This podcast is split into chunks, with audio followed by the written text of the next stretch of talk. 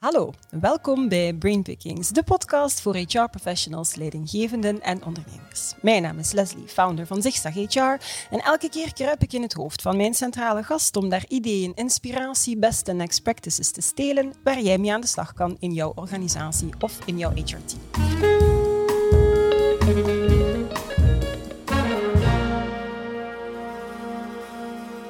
En als HR-professional ben je ook maar best beslagen in sociaal recht en arbeidsrecht. En daarom kruip ik ook minstens één keer per maand in het hoofd van een van de venoten of advocaten van Klaes en Engels, marktleider in België als het gaat over juridische HR-dienstverlening. En vandaag heb ik Sophie Maas op bezoek. Sedert 1 januari 2021 ondertussen zijn Britten derde landers. De gelegenheid, zo vonden wij, om even stil te staan bij een aantal spelregels omtrent grensoverschrijdende tewerkstelling en tewerkstelling van buitenlandse werknemers in het algemeen. We gaan het naar aanleiding van de Brexit dus hebben over internationale tewerkstelling en de gevolgen van de Brexit op arbeidsmigratie, op sociale zekerheid en op arbeidsrecht. Welkom, Sophie. Hallo, goedemiddag.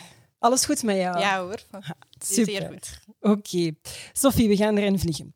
Uh, op 31 januari 2020, vorig jaar nog, aan middernacht, heeft het Verenigd Koninkrijk de Europese Unie verlaten. Hè. tot eind 2020 was er dan een overgangsperiode waarbij Britse werknemers, um, ook al behoort het Verenigd Koninkrijk niet meer tot de Europese Unie, toch nog als Unieburgers uh, worden beschouwd. En op basis daarvan ook in België konden werken en verblijven. Maar sedert 1 januari 2021 zijn zij dus derde landers. Laten we misschien eerst even stilstaan. Derde landers, wat, wat, wat bedoelen we daarmee en wat zijn dan de gevolgen daarvan? Uh, wel, Leslie, een derde lander is een persoon die niet de nationaliteit heeft van de Europese Economische Ruimte of Zwitserland. Nu, mm Europese Economische Ruimte, dat zijn de lidstaten van de Europese Unie en Noorwegen, IJsland en Liechtenstein. Dus mhm. iemand die niet een Zwitser is of niet de nationaliteit heeft van de Europese Economische Ruimte, is een derde lander. Nu, mhm. dit is belangrijk. Waarom? Omdat derde landers, anders dan Unieburgers, dus een Fransman, een Nederlander enzovoort, niet over bepaalde vrijheden beschikt, zoals mhm. het vrij verkeer van personen en uh, werknemers. Nu, wat betekent dit concreet?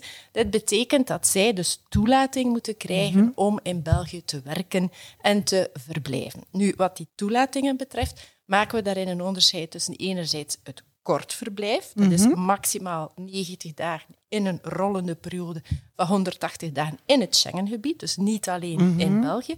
En anderzijds, als we benoemen dat het lang verblijf, voor meer dan 90 dagen. Nu, als we terugkeren kort verblijf, mhm. wat is daarvoor nodig? Wel, elke derde lander heeft daarvoor in principe een Schengen-visum nodig. Ja. Nu, er zijn wel een aantal nationaliteiten die daarvan vrijgesteld zijn. Denk bijvoorbeeld, een Amerikaan is vrijgesteld, mhm. een Japaner is vrijgesteld. Een Indiër daarentegen is bijvoorbeeld niet vrijgesteld. Nu, wat het ook is, ofwel met Schengen-visum ofwel op basis van de vrijstelling, kunnen zij dus vrij in het Schengengebied, maar maximaal 90 dagen in een periode van 180 dagen. Nu, wat er heel belangrijk is, en in de mhm. praktijk bestaat daar ontzettend veel verwarring rond, is dat het Schengen-visum heeft enkel de toelating om hier te zijn. Dus nog niet noodzakelijk de toelating om te werken. dus als je voor business komt, dan moet je dit eigenlijk apart gaan bekijken. Hmm. En dat is regionale materie. Dat maakt het bij ons in België een beetje, een beetje moeilijk. Een beetje complex. Dus dat betekent dat die regels die zijn verschillend per regio. Dus je moet hmm. kijken in welke regio zal die persoon werken. Hmm. En dan moet je kijken, heb ik daar een toelating nodig om te kunnen werken.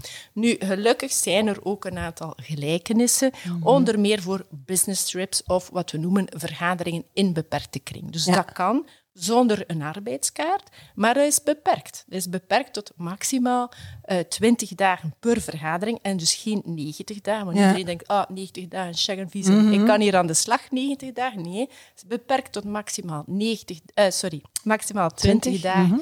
Per uh, vergadering en 60 dagen in het totaal. Dus dat is het kort verblijf, wil men langer hier komen om te werken, dus meer dan 90 dagen, mhm. dan heb je een single permit nodig. Dus die permit die geeft je het recht om hier zowel te werken en ook om te verblijven, dus te wonen.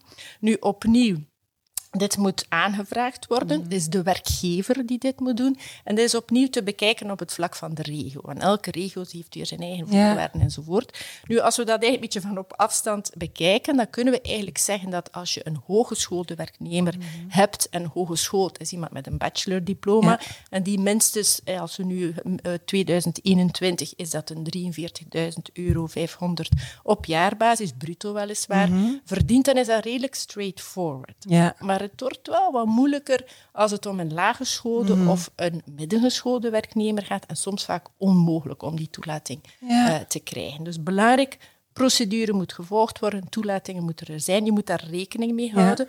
Nu, dat duurt een tijdje, dus voor de coronacrisis kon het soms gemiddeld tot drie, drieënhalf maanden oplopen.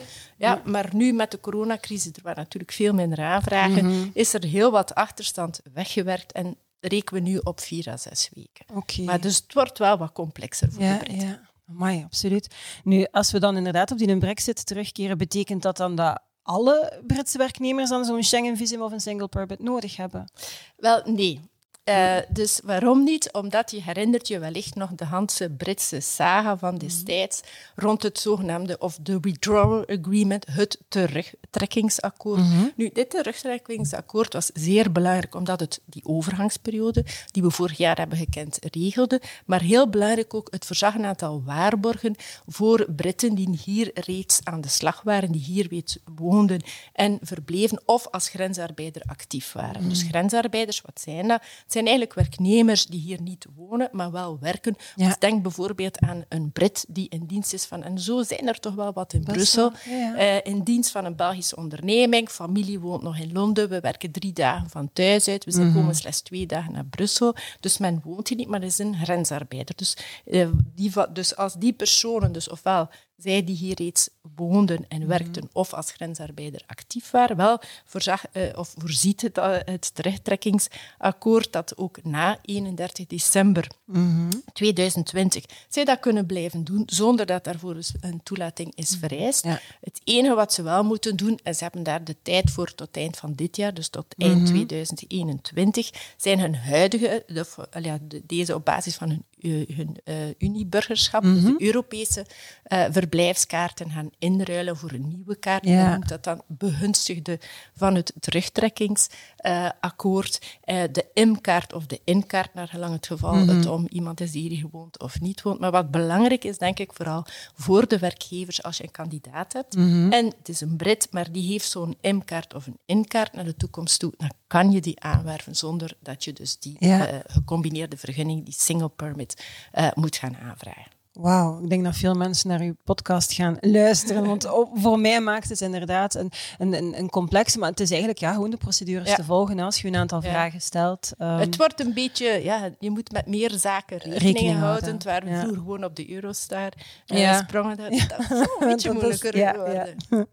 Nu, wat je komt omschrijven, hè, uh, geldt voor Britse werknemers die dus al lang in, langer in België aanwezig uh, zijn of toch actief waren hè, voor 31 december 2020.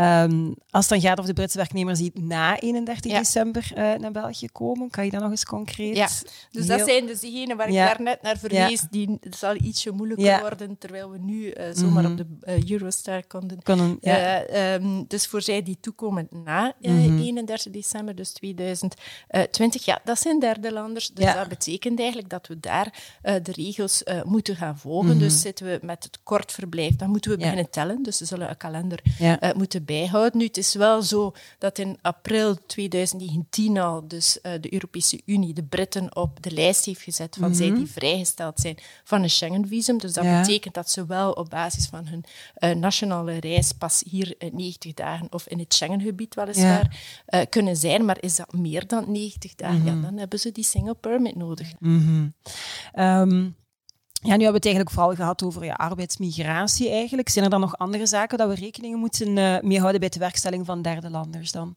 Uh, of van of van uh, grensoverschrijdende werkstelling in het algemeen. Ja, Opnieuw binnen die Europese economische ruimte en Zwitserland er mhm. bepaalde spelregels gelden om bij grensoverschrijdende tewerkstelling de toepasselijke sociale zekerheid te gaan bepalen. Want de idee, je moet weten, dus binnen de Europese Unie en bij uitbreiding dus ook Zwitserland, zijn er enorme verschillen, vooral wat betreft de kost. Wat betalen we aan sociale mhm. zekerheid als werkgever, maar ook voor de prestaties. Dus daar zijn grote verschillen op. En om dat toch een beetje te uh, regelen waar je dan net uh, die sociale zekerheid moet gaan bepalen, betalen, hebben we dus de verordening 8883, dus dat Europese mhm. framework uh, die dit voor ons uh, zal bepalen. Nu, het uitgangspunt is bij sociale zekerheid, is dat ook al werkt men in verschillende lidstaten, dat je maar in één lidstaat op het totale inkomen van de werknemer sociale zekerheid betaalt. Ja. En dat is een beetje anders, want bij de fiscaliteit kan dat wel gesplit zijn. Je hoort soms spreken van een salary split enzovoort. Dat betekent eigenlijk van, kijk, we gaan een stukje van ons mhm. inkomen, wordt daar belast en een ander stukje wordt in een ander land belast, wel bij sociale zekerheid. Weliswaar, we spreken hier situatie Europese economische ruimte in Zwitserland, is het niet zo. En we gaan eigenlijk op basis van een aantal spelregels bepalen waar je nu net sociale zekerheid moet betalen. Hm. Dus in welk land concreet, kwestie dat ik het, het, heel goed, in welk land concreet moeten er dan sociale zekerheidsbijdragen betaald worden volgens die verordening? Ja, heel, daar zijn ook weer spelregels voor. Mhm. En het uitgangspunt uh, daarbij is dat je sociale zekerheid betaalt in het land waar je werkt. Dus het principe werklandprincipe. Eigenlijk heel logisch. Mhm. Je bent Nederlander, je woont in Nederland, je werkt in Nederland 100%. Wel, je bent in Nederland verzekerd. Tot daar, denk ik, een mhm. vrij logische stap. Maar stel nu dat die Nederlander voor een project van zeg maar 18 maanden naar België komt om hier te werken. Uh, en voor een klant of in het kader van een intragroep detachering. Maar het zou toch wel vervelend zijn mocht die Nederlander nu op basis van dat werklandprincipe, mm want ik kom hier 18 maanden landen, moeten veranderen van sociale zekerheid. En dat we eigenlijk alles moeten gaan omswitchen en hier sociale zekerheid betalen. Dus dat is vervelend. Mhm. Vandaar, de verordening voorziet daar een correctie op en zegt van kijk, als er een aantal voorwaarden zijn vervuld, dan kan je, ook al werk je tijdelijk niet in je thuisland, dan mhm. kan je toch nog verder uh, verzekerd blijven in je thuisland en ben je dus vrijgesteld van sociale zekerheidsbijdragen in het tijdelijke werkland. Dus een beetje een afwijking van dat werklandprincipe. En we noemen dat de detachering. Dus mm detachering is, we werken in één land, normaliter, en we gaan tijdelijk 100% mhm. in een ander land gaan werken.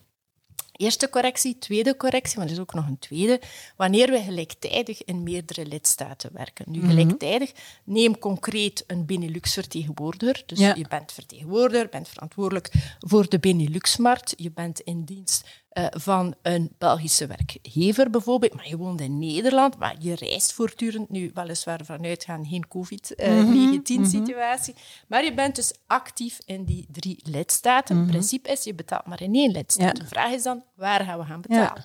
Wel, daar zegt de verordening van, kijk, je betaalt sociale zekerheid in uw woonstaat als je er minstens 25% fysisch werkt. Mhm. Doe je dit niet, en je hebt één werkgever, dan betaal je sociale zekerheid of ben je verzekerd in de lidstaat waar de werkgever is gevestigd. Dus als ik nu terugkeer naar mijn voorbeeld, we hebben Nederlander, wonen in Nederland, werkgever is België. Mhm. We reizen voor, in de Benelux, dat is ons grond, eh, onze area van tewerkstelling. Mm Wel, dan zal volgens die verordening, als, je, als die Nederlander minstens 25% werkt in Nederland is het Nederlandse sociale zekerheid. Stel dat hij dat niet doet omdat hij meer in België zit, dan zal het Belgische sociale zekerheid zijn omdat de werkgever een Belg is. Dus of in België is gevestigd als ondernemer.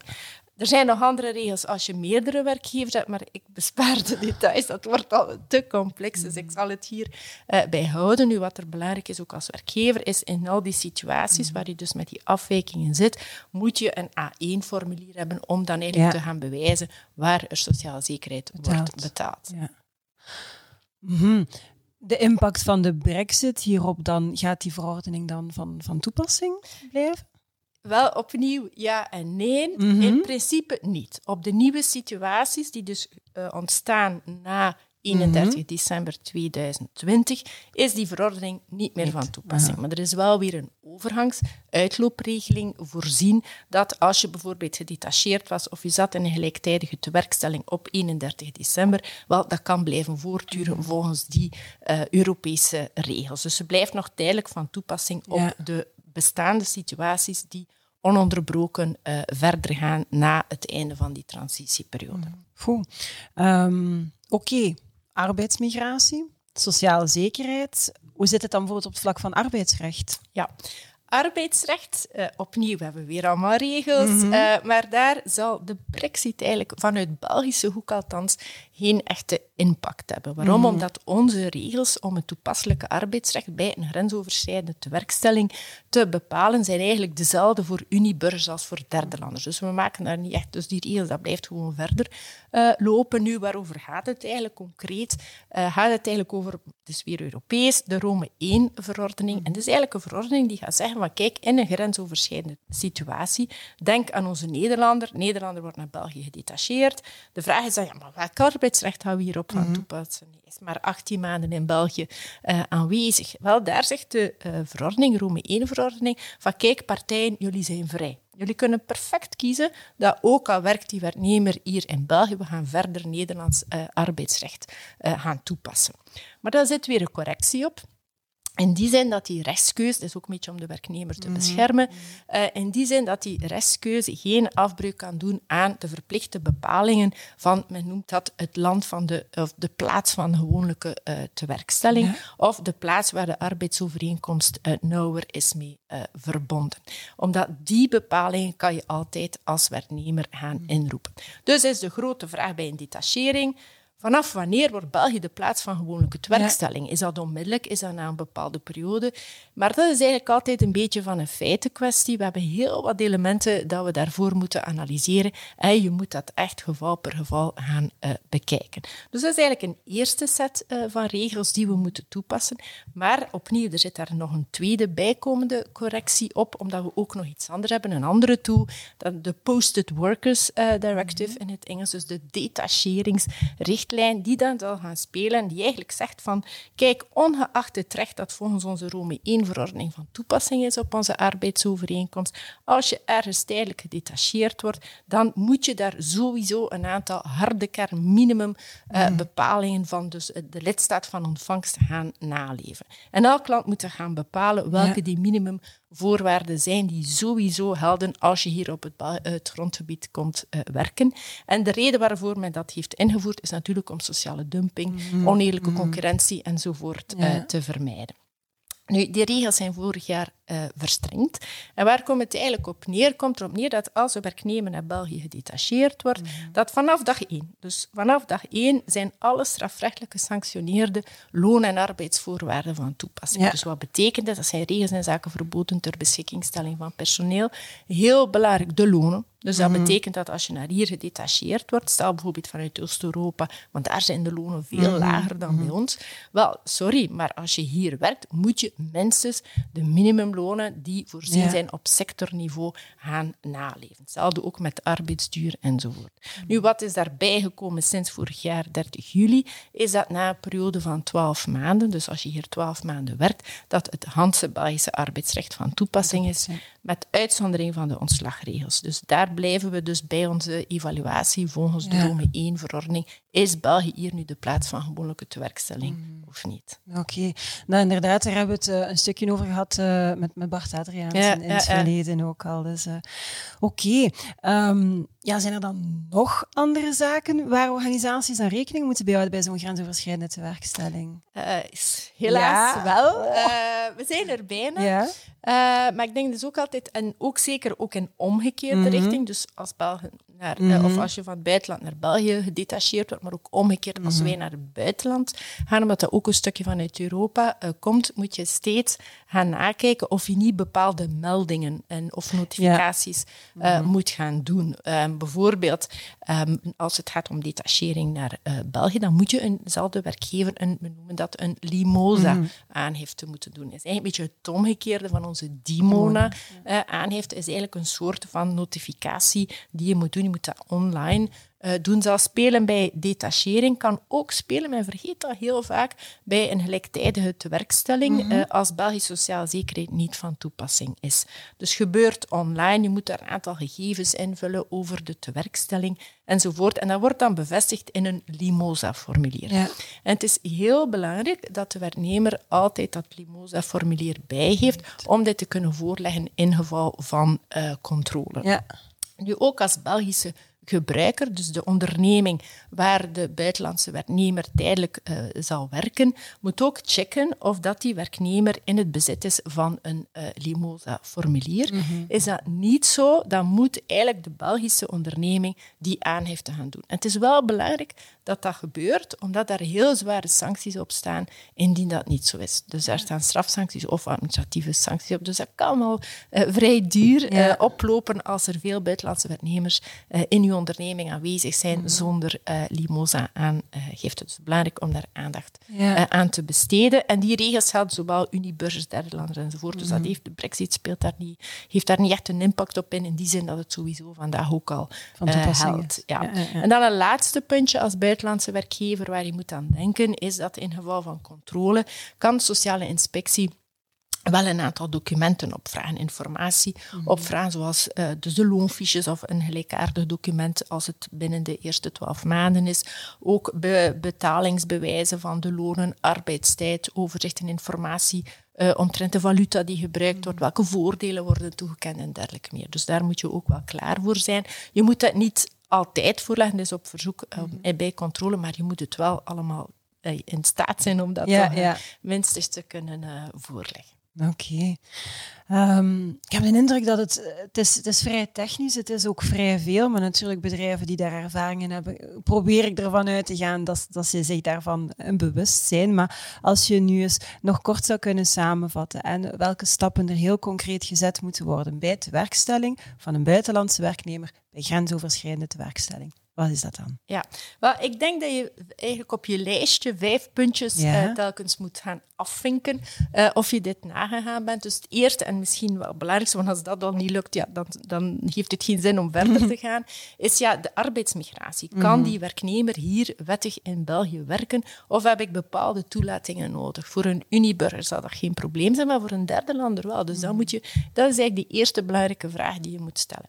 Tweede vraag, denk ik dan, die je moet stellen, is ja, welk arbeidsrecht gaan we hier gaan toepassen? Hoe gaan we dit structureren? Welke Belgische loon- en arbeidsvoorwaarden moeten we gaan toepassen? Want zoals ik heb aangehaald, daar zitten bepaalde correcties op. Dus je moet daar rekening mm mee houden. En er zijn veel controles op. Dat zal Bart ja, ook wel... Ja, ja, dat heeft het inderdaad benadrukt. toegelicht dat klopt. Uh, hebben. Dus dat is het tweede puntje. Het derde puntje is de sociale zekerheid. Mhm. Dus waar betalen we sociale zekerheid? We hebben daar een set van regels op Europees vlak als het met een land buiten Europa is. Is er een verdrag? Dan moeten we ook kijken, is het tijdelijk, is het permanent, is het één land gelijktijdig de werkstelling, enzovoort. Dus een heel set van spelregels om dan te gaan bekijken waar betalen we sociale zekerheid. En dat heeft wel een impact. Let mhm. op die verschillen tussen de verschillende landen qua hoogte uh, van de bijdrage, maar ook qua uh, prestaties. Ja. Dan mijn vierde puntje, zou ik zeggen, ik heb het er wel niet over gehad, want dat zou het nog complexer maken, is belastingen, dus tax. Mhm, Ook daar heeft uh, België met heel wat landen dubbel belastingsverdragen gesloten om te vermijden dat we dus, uh, dus dubbele belastingen op mhm. dezelfde inkomen uh, zouden gaan betalen. Dus dan moet je ook steeds uh, checken welke zijn hier uh, de gevolgen naar belastingen toe. Mm En dan een laatste puntje, dus die notificaties, die formaliteiten. Wat moet ik allemaal doen van stappen? Waar moet ik aanmeldingen doen? Ja, je zal binnen Europa voor sociale zekerheid ook een A1 moeten aanvragen mm en dergelijke meer. Dus dat zijn een beetje de vijf puntjes die, die je moet aftoetsen. Ja. Ik vind u een onwaarschijnlijk verstandige, intelligente vrouw, Amai. Uh, maar heel, uh, heel helder, uh, ook heel helder samengevat van wat in principe de stappen zijn. Ehm, ik onthoud vooral, het is complex. Ik onthoud ook, er zijn veel correcties, maar het is van cruciaal belang om er ook mee bezig, ook op tijd mee te beginnen. Als ik hoor hoeveel ay, wacht ja, Zeker, zeker met arbeidsmigratie, ja. daar moet je echt op voorhand ja. beginnen. Het is complex, maar het is niet onmogelijk. Nee, nee, maar je moet gewoon gewoon de regels in deze volgen om te zorgen dat... Men, is dat, men heeft daar vaak schrik van. Ik nee, je moet gewoon een beetje rekening mee houden. zijn een aantal zaken, maar er zijn zoveel complexe zaken. Dat, dus, klopt, uh, dat klopt Het is haalbaar, dus het is zeker niet om afgeschrikt van te worden. Merci in ieder geval dat we in jouw hoofd mochten uh, kruipen voor deze boeiende podcast. Um, Dank je wel. Hartelijk dank. Dankjewel uh, ook aan jullie om, uh, om te kijken of om te luisteren. Um, volgende keer kruip ik uh, opnieuw, volgende maand liever, kruip ik opnieuw in het hoofd van een van de venoten of advocaten van Kluis en Engels. En um, dat zal waarschijnlijk, en nu moet ik eventjes spieken op mijn kaartje of ik daar al een naam voor heb. En ik denk dat dat Mieke de Koning zal zijn. Dan gaan we het waarschijnlijk hebben als ik mij goed herinner over bonusbeleid en courante bonusplannen. Dat is natuurlijk iets wat jij voor geen geld ter wereld wil missen. Dus één ding doen, je abonneren op deze podcast of op ons YouTube-kanaal.